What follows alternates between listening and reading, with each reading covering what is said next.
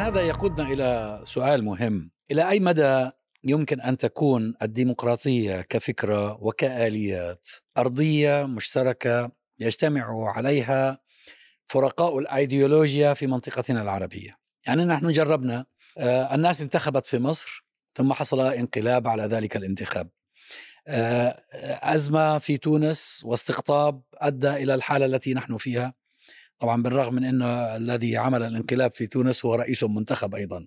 في ليبيا في سوريا في اليمن في العراق في كل الأماكن في حتى الأماكن اللي كان فيها إرهاصات ربيع عربي ولم تكتمل التجربة مثل المغرب أو الجزائر. هناك استقطاب بين أصحاب الأيديولوجيات أو المرجعيات الأيديولوجية المختلفة. إلى أي مدى يمكن أن توحدنا الفكرة الديمقراطية وآلياتها؟ يعني على كل حال خلينا نتفاعل شوي مع الأستاذ العربي. يعني تقريب تقديري لما بدأت التجربة ما كانتش مبنية على أوهام. نحن رهنا على سراب. لا كان في تحولات في عموم منطقة تحولات إقليمية عند جهود استراتيجي. يعني تحول في تونس في مصر في ليبيا في اليمن. فكان في إمكانية المشروع الديمقراطي كان عنده فوق أنك تعمل تحول سياسي وينتج عنه بناء معناها منظومة ديمقراطية على الأقل يعني تخفف من وطأة الاستبداد والتوحش. اللي حكمت منطقتنا لعشرات السنين. لكن اللي أربك هذا الوضع في حقيقة الأمر هو التحولات اللي وقعت فيما بعد عملية الارتداد الانقلاب في مصر يعني غير المعادلة السياسية. فأصبح كل قطر من أقطار الربيع العربي محشور في أوضاعه المحلية. يعني التونسيون يقاتلون من أجل أوضاعهم الداخلي كيف كيف يصلحون أو يعيد ترتيب البيت التونسي. والليبيون يعني منغمسون في أوضاعهم المحلية والسوريون واليمنيون. هذا يطرح مجموعة من الأسئلة الكبرى. أنا تقديري ما فيش إشكال في الالتقاء بين القوى السياسية على الارضيه الديمقراطية. والتجربة بينت أن الاستقطاب الإيديولوجي والسياسي ليس قدر حتم. ممكن أنت تلتقي مع العلماني على الأرضية الديمقراطية ولا تلتقي مع علماني مع إسلامي. يعني أنت السلفيين في مصر يعني تبين الآن اللي هم حلفاء المشروع الانقلابي حلفاء السيسي. يعني غدروا بالإخوان. ليسوا جميعا اللي هو حزب النور. حزب النور. آه هذه تعبيرها. المقصود من ذلك أن الجانب الإيديولوجي والجانب العقائدي ليس هو معيار الالتقاء والاختلاف. يعني الالتقاء يتم على أساس أرضية سياسية. ويمكن الناس تتفق على أساس الأرضية الديمقراطية. لأن الديمقراطية مثل ما ذكرنا ما عقيدة دينية هي. هي آلية من آليات تنظيم الشأن السياسي. الناس يتفقوا على ترتيب بيتهم الداخلي وفق قواعد وأسس معينة. لكن التجربة وأنا أتكلم الآن من وحي معايشة هذه التجربة طرحت تحديات وأسئلة كبرى لابد أن نجيب عنها في المستقبل ونستفيد من التجربة الماضية. كيف يمكن تبني أن تبني ديمقراطية بقوى استئصالية مثلا؟ يعني أنت تتعامل مع قوى ما يشوفوش موقع للإسلاميين إلا القبر أو المشنقة أو السجون أو المهاجر في أحسن الحالات. وبالتالي أنت تفتح المجال الديمقراطي أو الأرضية السياسية للاعبين كثيرين بالعنوان الديمقراطي ولكن هم يستفيدون من الآليات الديمقراطية ومن المساحات اللي توفرها أرضية الحرية حتى يفتكوا بها ويعني يحطموها. وهذا اللي حصل في تونس وحصل في مواقع أخرى. هذا الجانب الأول. الجانب الثاني معطى التدخلات الإقليمية والدولية وخاصة سلطة المال النفط. يعني إسقاط التجربة في مصر وفي تونس وفي اليمن وتلويث أجواء الربيع العربي وتخريبها في حقيقة الأمر نتيجة تدخلات إقليمية للنظام الرسمي العربي اللي هو مسلح بالمال وبالنفوذ وبالنفط يعني لعب في الأوضاع الداخلية خاض معركة حياة أو موت وتمكن من إسقاط التجربة في مصر ثم انتقل إلى ليبيا أدخل في حرب أهلية اليمن أيضا أدخل في حرب أهلية ثم انتقل بعد ذلك في تونس. نحن صمدنا مدة 10 و 11 سنة بسبب بفضل هذه التوافقات الداخلية نسبيا. ولكن يبدو رياح الردة كانت أقوى منا للمعطيات الإقليمية. ثم لوجود قوى داخلية معادية للنظام الديمقراطي. جاء قيس سعيد يعني صعد عبر السلم الديمقراطي. وأول خطوة عملها يعني استخدم الآلية الديمقراطية ليكسرها. فهذا تحدي كبير يعني يطرح علينا أنا تقديري الآن وربما لهذا السبب إحنا تحدثنا حتى وجدنا شبكة الوعي العربي. صرت على قناعة شبه جازمة في شيء جازم في عالم الفكر والسياسة أن التغيير آه، هو عابر لحدود الدولة القطرية والدولة الوطنية. إذا باش نفكروا في مقاربة متاع تغيير في المستقبل لازم يكون على أرضية أوسع من ذلك. أرضية إقليمية أرضية عربية. هاي الشبكة مفتوحة لكل العرب؟ مفتوحة بما في ذلك لك أنت الدكتور عزام مرحب بك. وللجميع حتى يعني. الدكتور عزام مسموح له يعني تقديري المقصود إيش؟ المقصود إيش؟ لا تستطيع أن تعزل الأوضاع المحلية الداخلية ترتب بيدك الداخلي خاصة في الوضع العربي اللي هي الأقطار العربية شديدة التشابك والترابط ثقافيا ولغويا واستراتيجيا. ولذلك تصور أنك باش تعالج وضعك المحلي بمعزل عن بقية الأقطار العربية هذا وهم كبير.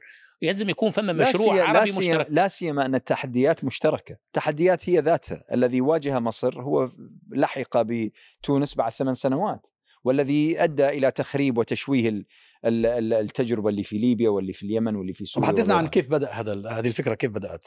يعني بدأت بس لو من اسمها بس لأنه ذكر عرضا يعني. يعني إحنا مبادرة الحقيقة مع بعض الأصدقاء بعض المفكرين والمثقفين من توجهات مختلفة وصلنا تقريبا لمجموعه من القناعات المشتركة أنه لا يمكن إصلاح الأوضاع العربية ضمن الوعاء القطري ولابد من البحث عن مقاربات أخرى.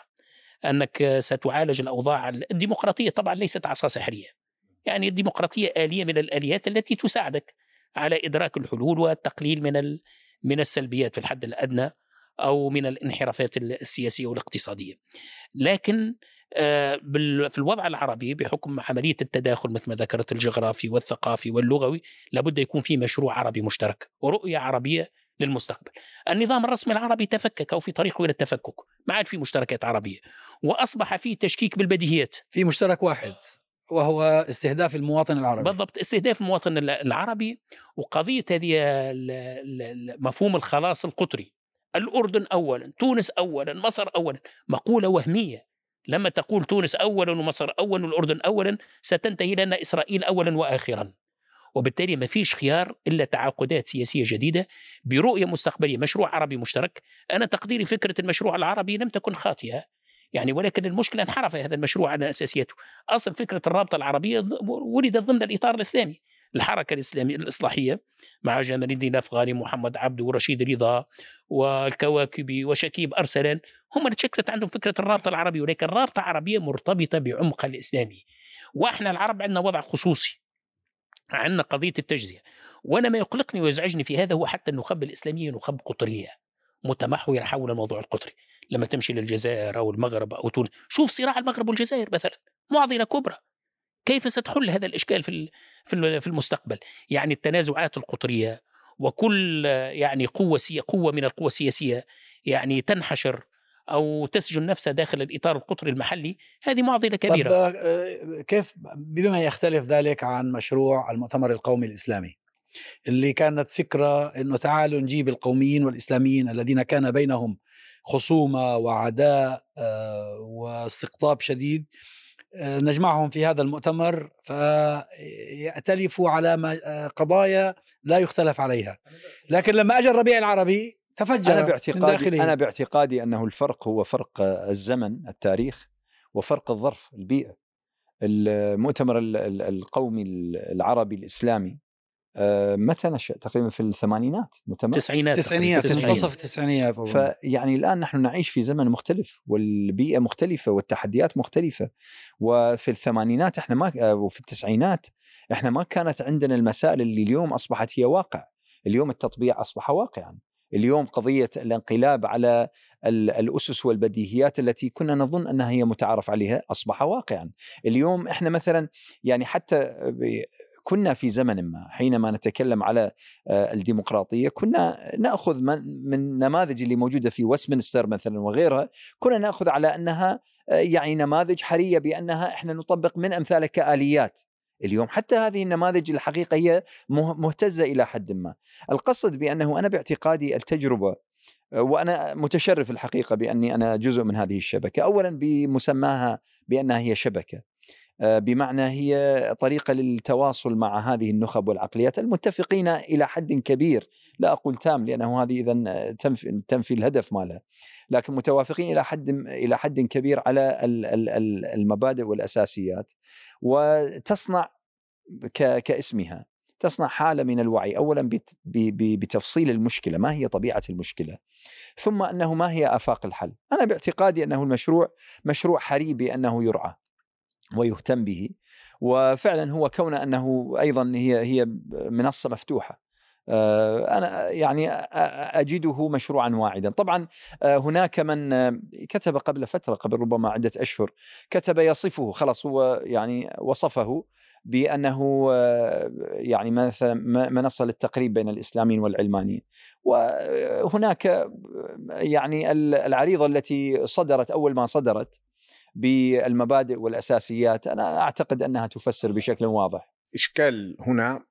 اولا أنا أنصح حاجة هو أنه لا يتم التركيز على فقط آه، عربي لأن هذا عربي كلمة عربي شفنا كيف توجه الموضوع المشروع القومي العربي إلى أن أصبح مشروع آه، يكاد يكون آه، لعصبة العرب أو شوفيني. تنطع شوفيني. شوفينية قومية أصبح و- وخاصة مع الخصومة مع الاكراد هناك كانت كان إشكال كبير جدا وجع- وجعل كثيرين من الناس الذين هم آه، مسلمين وفي المنطقة العربية لكن ليس حتما يقول لك أنا عربي. قد يكون أمازيغي أو كردي أو تركماني أو من أصول أندلسية أو إفريقية يرى نفسه أن هذا مشروع يقصيه بالتسمية يعني by definition يعني بالتعريف يعني. فهذا جيد جدا أن أن يتم الحديث هنا أن آه، مثل الحديث الشريف أن العربية ليست أم أحد أو عربية اللسان. وإنما هي عربية اللسان. من تحدث العربية فهو عربي بعيدا عن العنصرية يعني. لأن هنا مهم جدا يعني هذا مهم جدا. آه، قبل أن نضيف في هذا المجال أنا فقط آه، أعود أرجع للقوس. مثلا أخ رفيق بكرنا بأن السلفيين واستدرك عليه الدكتور عزام وقال حزب النور بالذات اللي المصريين يسموه فيما بعد حزب الزور. وقف مع الانقلاب. هذا بالضبط ما وقع في الجزائر عندما وقف ما وقع آنذاك كانت تسمى حركة حماس. الآن تسمى حمص. آه، في مع الانقلاب. هل هذا كان يمثل الإخوان؟ لا بطبيعة الحال كان يمثل حركة معينة بظروفها اختارت تض- تمضي مع الانقلاب. ونفس الشيء اللي وقع مع السلفيين. الأغلبية لا أعتقد أنهم آه، مع ال- مع الانقلاب في مصر إنما جزء رأى نفسه أنه ما- مصالحه مرتبطة بال- بالانقلاب أكثر أكثر من ذلك. ولذلك آه، ف- يعني حتى فقط لا يتأثر الناس بال- بالأحكام مرات تبدو وكانها أحكام عامة. يعني هو في خصوصيات لكل تجربة يعني هو في تشابه لكن في أوجه بس بالمناسبة على. قضية العربية أنا أنا طبعا معك تماما في المبدأ المنطلق ولكن إحنا مثلا أسمينا التجربة التي مرينا فيها الربيع العربي مثلا أسميناه بينما كانت أطراف كثيرة ثائرة. وضد الأنظمة ومع الكذا هي ربما من حيث الحقيقة ليست عربية. ربيع الشعوب أنا أرى أن التسمية أكثر قوة. صحيح ولكن قصدي أنه يعني يعني لأن المنطقة عربية أي يعني المنطقة هي المنطقة اصطلاحا. المنطقة اللي تسمى الوطن العربي وبعدين أقول لكم شيء أقول لكم شيء يعني ربما يعني أنا مثلا من من التعليقات التي وردت من بعض الأصدقاء تقول أنه طيب لماذا لم تقولوا الوعي مثلا آه، شبكة ال- ال- الوعي الإسلامي مثلا على سبيل المثال؟ يعني اولا هو أنا أنا برأيي ودكتور رفيق أنت صاحب الفكرة يعني وأنا باعتقادي أنه هو اولا هذا لا ينفي ذاك. الأمر الثاني هو أنه مستقبل يعني الالتقاء بين شيء يوجد على الصعيد الإسلامي. لما دخل في إندونيسيا وماليزيا وباكستان مثلا وكذا آه، ممكن جدا جدا. وأيضا من المهم بأنه هذه قضية المشتركات اللي بيننا. إحنا الآن مرينا بتجربة في تونس وفي مصر وفي ليبيا وفي اليمن آه، فيها درجة عالية من المشترك. اليوم لو تجيب مثلا ال- المفكر أو ال- أو الكاتب أو الكذا الماليزي عنده تجربة مختلفة تماما. لا لا وليست لا, لا أختلف عنده- معك. أنا أنا لا أختلف معك. يعني القضية تتعلق بالمنطقة العربية. أنا فقط قلت لك أنه تأخذ الإنسان الحذر من الحساسية في هذا الموضوع. أنا أعرفها جيدا لأن إحنا لدينا امازيغ أنا شخصيا أفتخر أنني عربي ولكن أيضا بدماء امازيغيه وإحنا عندنا أكراد وتركمان و... بالضبط. فهذا قد قد يدفع بعض الناس إلى الشعور بالإقصاء غير ال- ال- المباشر أو غير المباشر وتدخل عليه بعض التيارات الاستئصالية لتضخم ذلك. وأن هذا ما هذه مشاريع إقصائية ويعودون ولا إلى إلى المشروع القومي الاقصائي حقيقة. مع ميشيل عفلق و ومن والبعث ال- ال- العراقي أو السوري كان مشروعا اقصائيا.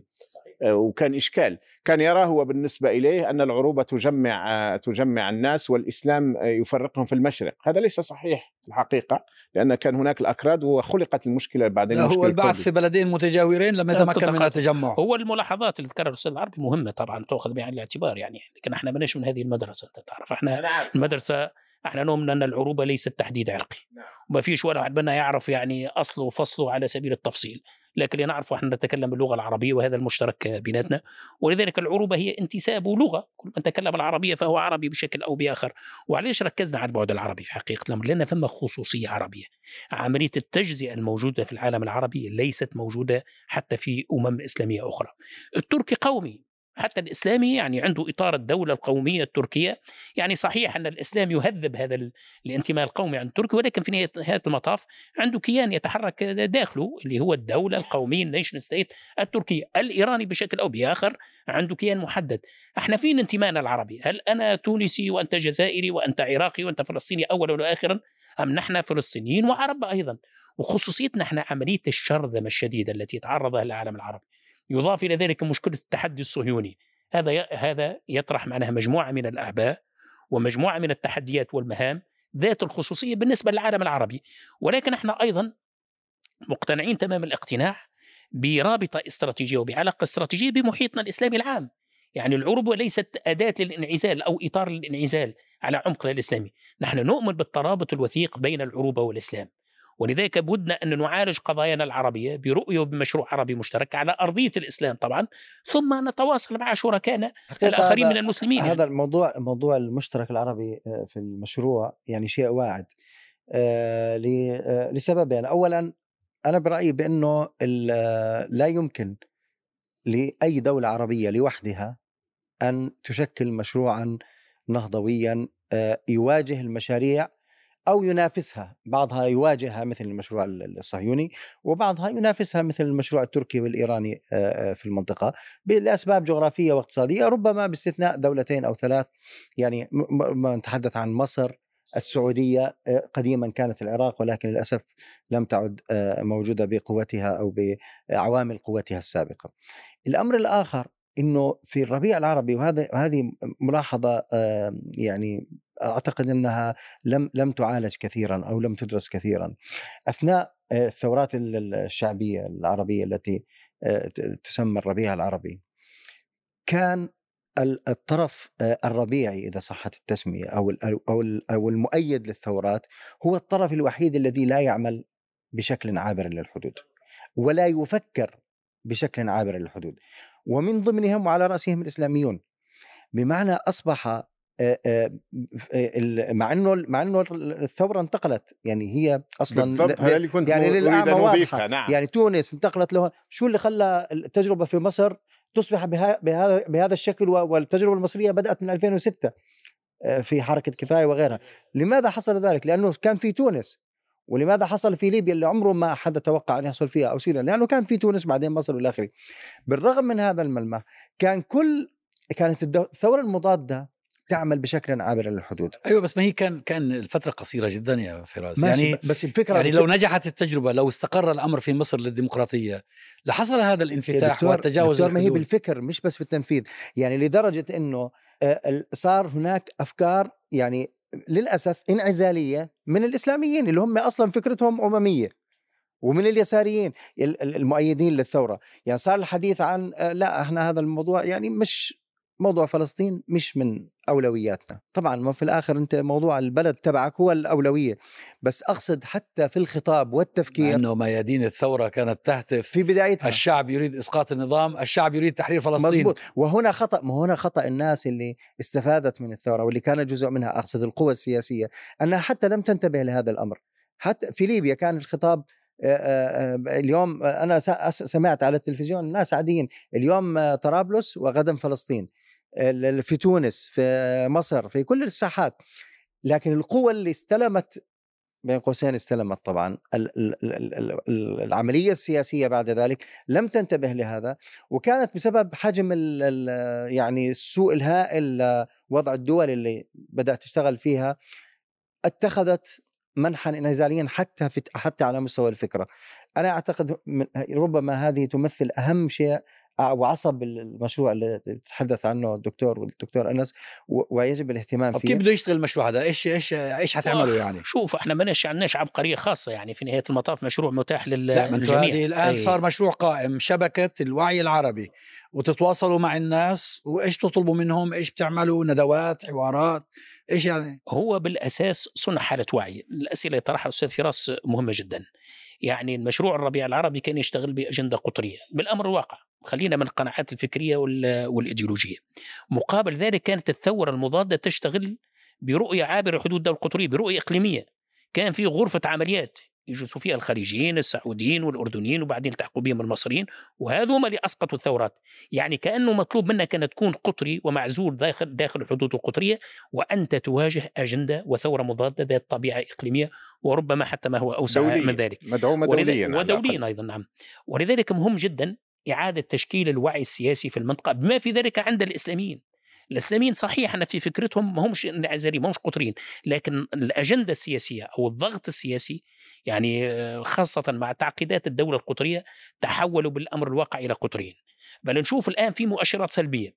لو تشوف النزاع هذا اللي حاصل الآن بين المغرب والجزائر صار حقيقه يعني نزاع يعني سرى في النخب وفي القوى السياسيه الكارثة متورطين في إسلاميين هذا هو واسلاميين الإشكال. لنفس المدرسة أيضا. اللي هي المدرسة الإخوانية يعني في بين السودان و- خصومات شديدة وت... وتصعيد يعني أنا شفتهم الاثنين من الجانبين تصعيد كبير جدا معنى. ذ... معنى ذلك إيش؟ العدوى والثقافة القطرية هذه الانعزالية أصابت ما في ذلك الإسلاميين، إحنا عندنا خشية نصيروا مثل القوميين العرب ما هو القوميين العرب جاوا بالوحدة العربية والمشترك العربي وكذا، بعدين بعد في سوريا والعراق يتخاصموا، ليش تخاصموا؟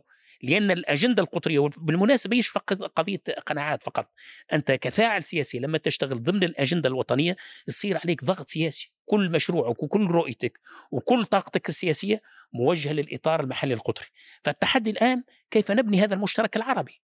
نبث روح وعي جديدة ثقافة جديدة فكر جديد وهذا يعني مطروح ومبسوط أمام كل النخب الفكرية والسياسية في العالم العربي حتى إذا جاءت. يعني مرحلة التغيير في. في الأطوار القادمة وأنا تقدير التغيير قادم اليوم أو غدا يعني الأوضاع العربية الراهنة لا تمتلك مقومات الاستمرار لو نجحت الثورة المضادة في تشكيل وضع أفضل مما كان في ثورة الربيع العربي والله ممكن نقول هذه تمثل الأفق المستقبلي. لكن الآن الثورة المضادة مأزومة أكثر من مرحلة الثورات وبالتالي لابد من للنخب السياسية والقوى الاجتماعية أن تتهيأ للتغيير في المرحلة القادمة. آه، كيف كيف تجاوب الناس مع الفكرة؟ والله في استجابة من النخب طبعا معناها كثير من المثقفين من توجهات مختلفة آه، إسلاميين قوميين ليبراليين. يعني هذا هو المشترك بيناتنا أن تكون في مقاربة ورؤية عربية مشتركة في استجابة جيدة. ونأمل أن وسائل الإعلام العربية يعني تساهم أيضا يعني المقتنعة بهذا المشروع تساهم في بث هذه القناعة وفي هذه الروح الجديدة في العالم العربي. حتى إذا جاء التغيير فعلا نكون مهيئين ومزودين بعدة معرفية وفكرية وخبرة سياسية أفضل مما كنا عليه. هي الحقيقة إحنا المشكلة إحنا مكبلين بقصص آه، مشاريع واعدة ثم لم تصل إلى منتهاها. فمكبلين ب- بحزمة كل واحد بينا مر ب- ربما بعشرات من مثل هذه المبادرات. لكن أنا باعتقادي بأنه إحنا في مرحلة استثنائية. وهذه المرحلة الاستثنائية اليوم تكلمنا عنها يعني اللي هي تطغى اليوم على المشهد العالمي. يعني كثير أنا حتى مثلا لما نتكلم على مسألة ال ال ال يعني حالة الفوضى أو أو أو جوانب من الفوضى حتى في النظام الديمقراطي اللي هو أصل راسخ مثلا على صعيد أوروبا وكذا صعود ايديولوجيات مثل اليمين المتطرف صعود شعب الشعبوية وما شابه. أنا شخصيا أجد أنه هذا فيه على الأقل تزامن ما راح أقول اتصال لكن تزامن مع قضية الثورة الثورة المضادة في الربيع العربي. يعني هذه هذه المسألة الحقيقة أحدثت نوع من الصدمة. صح إلنا كشعوب عربية اولا ولكنها أنا ما أستبعد جدا بأنه هذه الصدمة وصلت وصلت إلى أوروبا إلى كذا بحيث وجدنا أنه من من 2012 2013 2014 صعود هذه التيارات التي كانت في السابق ما لها أي وجود، من كان يتخيل بأنه نيك جريفن مثلا ال BNP هذول العنصريين في بريطانيا يكون لهم في يوم من الأيام نواب في البرلمان الأوروبي، ولا يكون لهم حزب ويعارك على على أيوة ما السيادة هذول في. تحالف بينهم وبين دول الثورة المضادة. هم بدعموهم هم بيحرضوهم على المسلمين. وهذا نفس الشيء في فرنسا أن زعيمة اليمين المتطرف كانت كادت وصلت إلى 42% تقريبا من الأصوات وهذا شيء كان غير بس مسبوق بس يعني. بنفس الوقت على فكرة الث- الثورات الشعبية العربية عملت حالة من الإلهام بالذات في بدايتها. يعني أنا بذكر آه، اللي كان اسمها Occupy أظن Occupy نعم. Occupy. نعم. Occupy. كانت ترفع شعارات في آه، مختلف آه، عواصم العالم. كانت آه، آه، لا وكانت ترفع شعارات منها الشعب يريد إسقاط النظام وبعض الشعارات التي كانت ترفع في آه، تونس أو في ميدان التحرير تحديدا بسبب يعني حجم حجم مصر. فهي هذا أيضا يأخذ إنه القصة مش بس حتى آه، إقليمية ولكن أيضا البعد الدولي آه، ذات أهمية. أنا بس يعني تفاعلا مع المشروع هذا إن شاء الله يكتب له النجاح. ربما من من ضمن النقاش اللي ذكرناه إنه أحد أهم الأشياء أن يكون هناك اتفاق على الأسئلة الكبرى. فلو هذا المشروع جمع بين الناس مش بناء على الأيديولوجيا وإنما بناء على الإجابة على الأسئلة الكبرى اللي هي بتتعلق بالحقوق العامة، الحقوق الخاصة، الاقتصاد الذي بالمناسبة الاقتصاد أحد المشاكل الرئيسية التي ربما ساهمت في إسقاط تجربة الثورات الشعبية العربية هو هو أنه لم يكن هناك نموذج نموذج. وهذا طبيعي ناس ما عمرهم حكموا ولم يسمح لهم أن يشاركوا أصلا مجرد مشاركة في السياسة، موضوع الاقتصاد أيضا يحتاج إلى ربما يكون أخطر من الأيديولوجيا أنه هل هو مشروع ديمقراطية اجتماعية ولا مشروع ليبرالية متوحشة ولا لأنه حتى حتى ضمن الإسلاميين مثلا معظم الطرح كان هو طرح ليبرالي اقتصادي تام ما في فيش فيش برا الدائرة. يعني, في نهاية المطاف بدي أروح على صندوق النقد الدولي. لا في نهاية المطاف برنامجك الاقتصادي في مصر كان هو برنامج الحزب الوطني. أنا بقولش إنه أنا ضد رأيي إنه غلط بس أنا بعتقد الأهم من إنه أقول إنه صح ولا غلط إنه ما كان في دراسة فعلا هل في تفكير خارج شوي الصندوق مش يعني خارج. فأنا أعتقد برضه البعد ال- ال- الأسئلة الكبرى الاقتصادية أيضا بحاجة لأن يجاب عليها في ضمن هذا النقاش.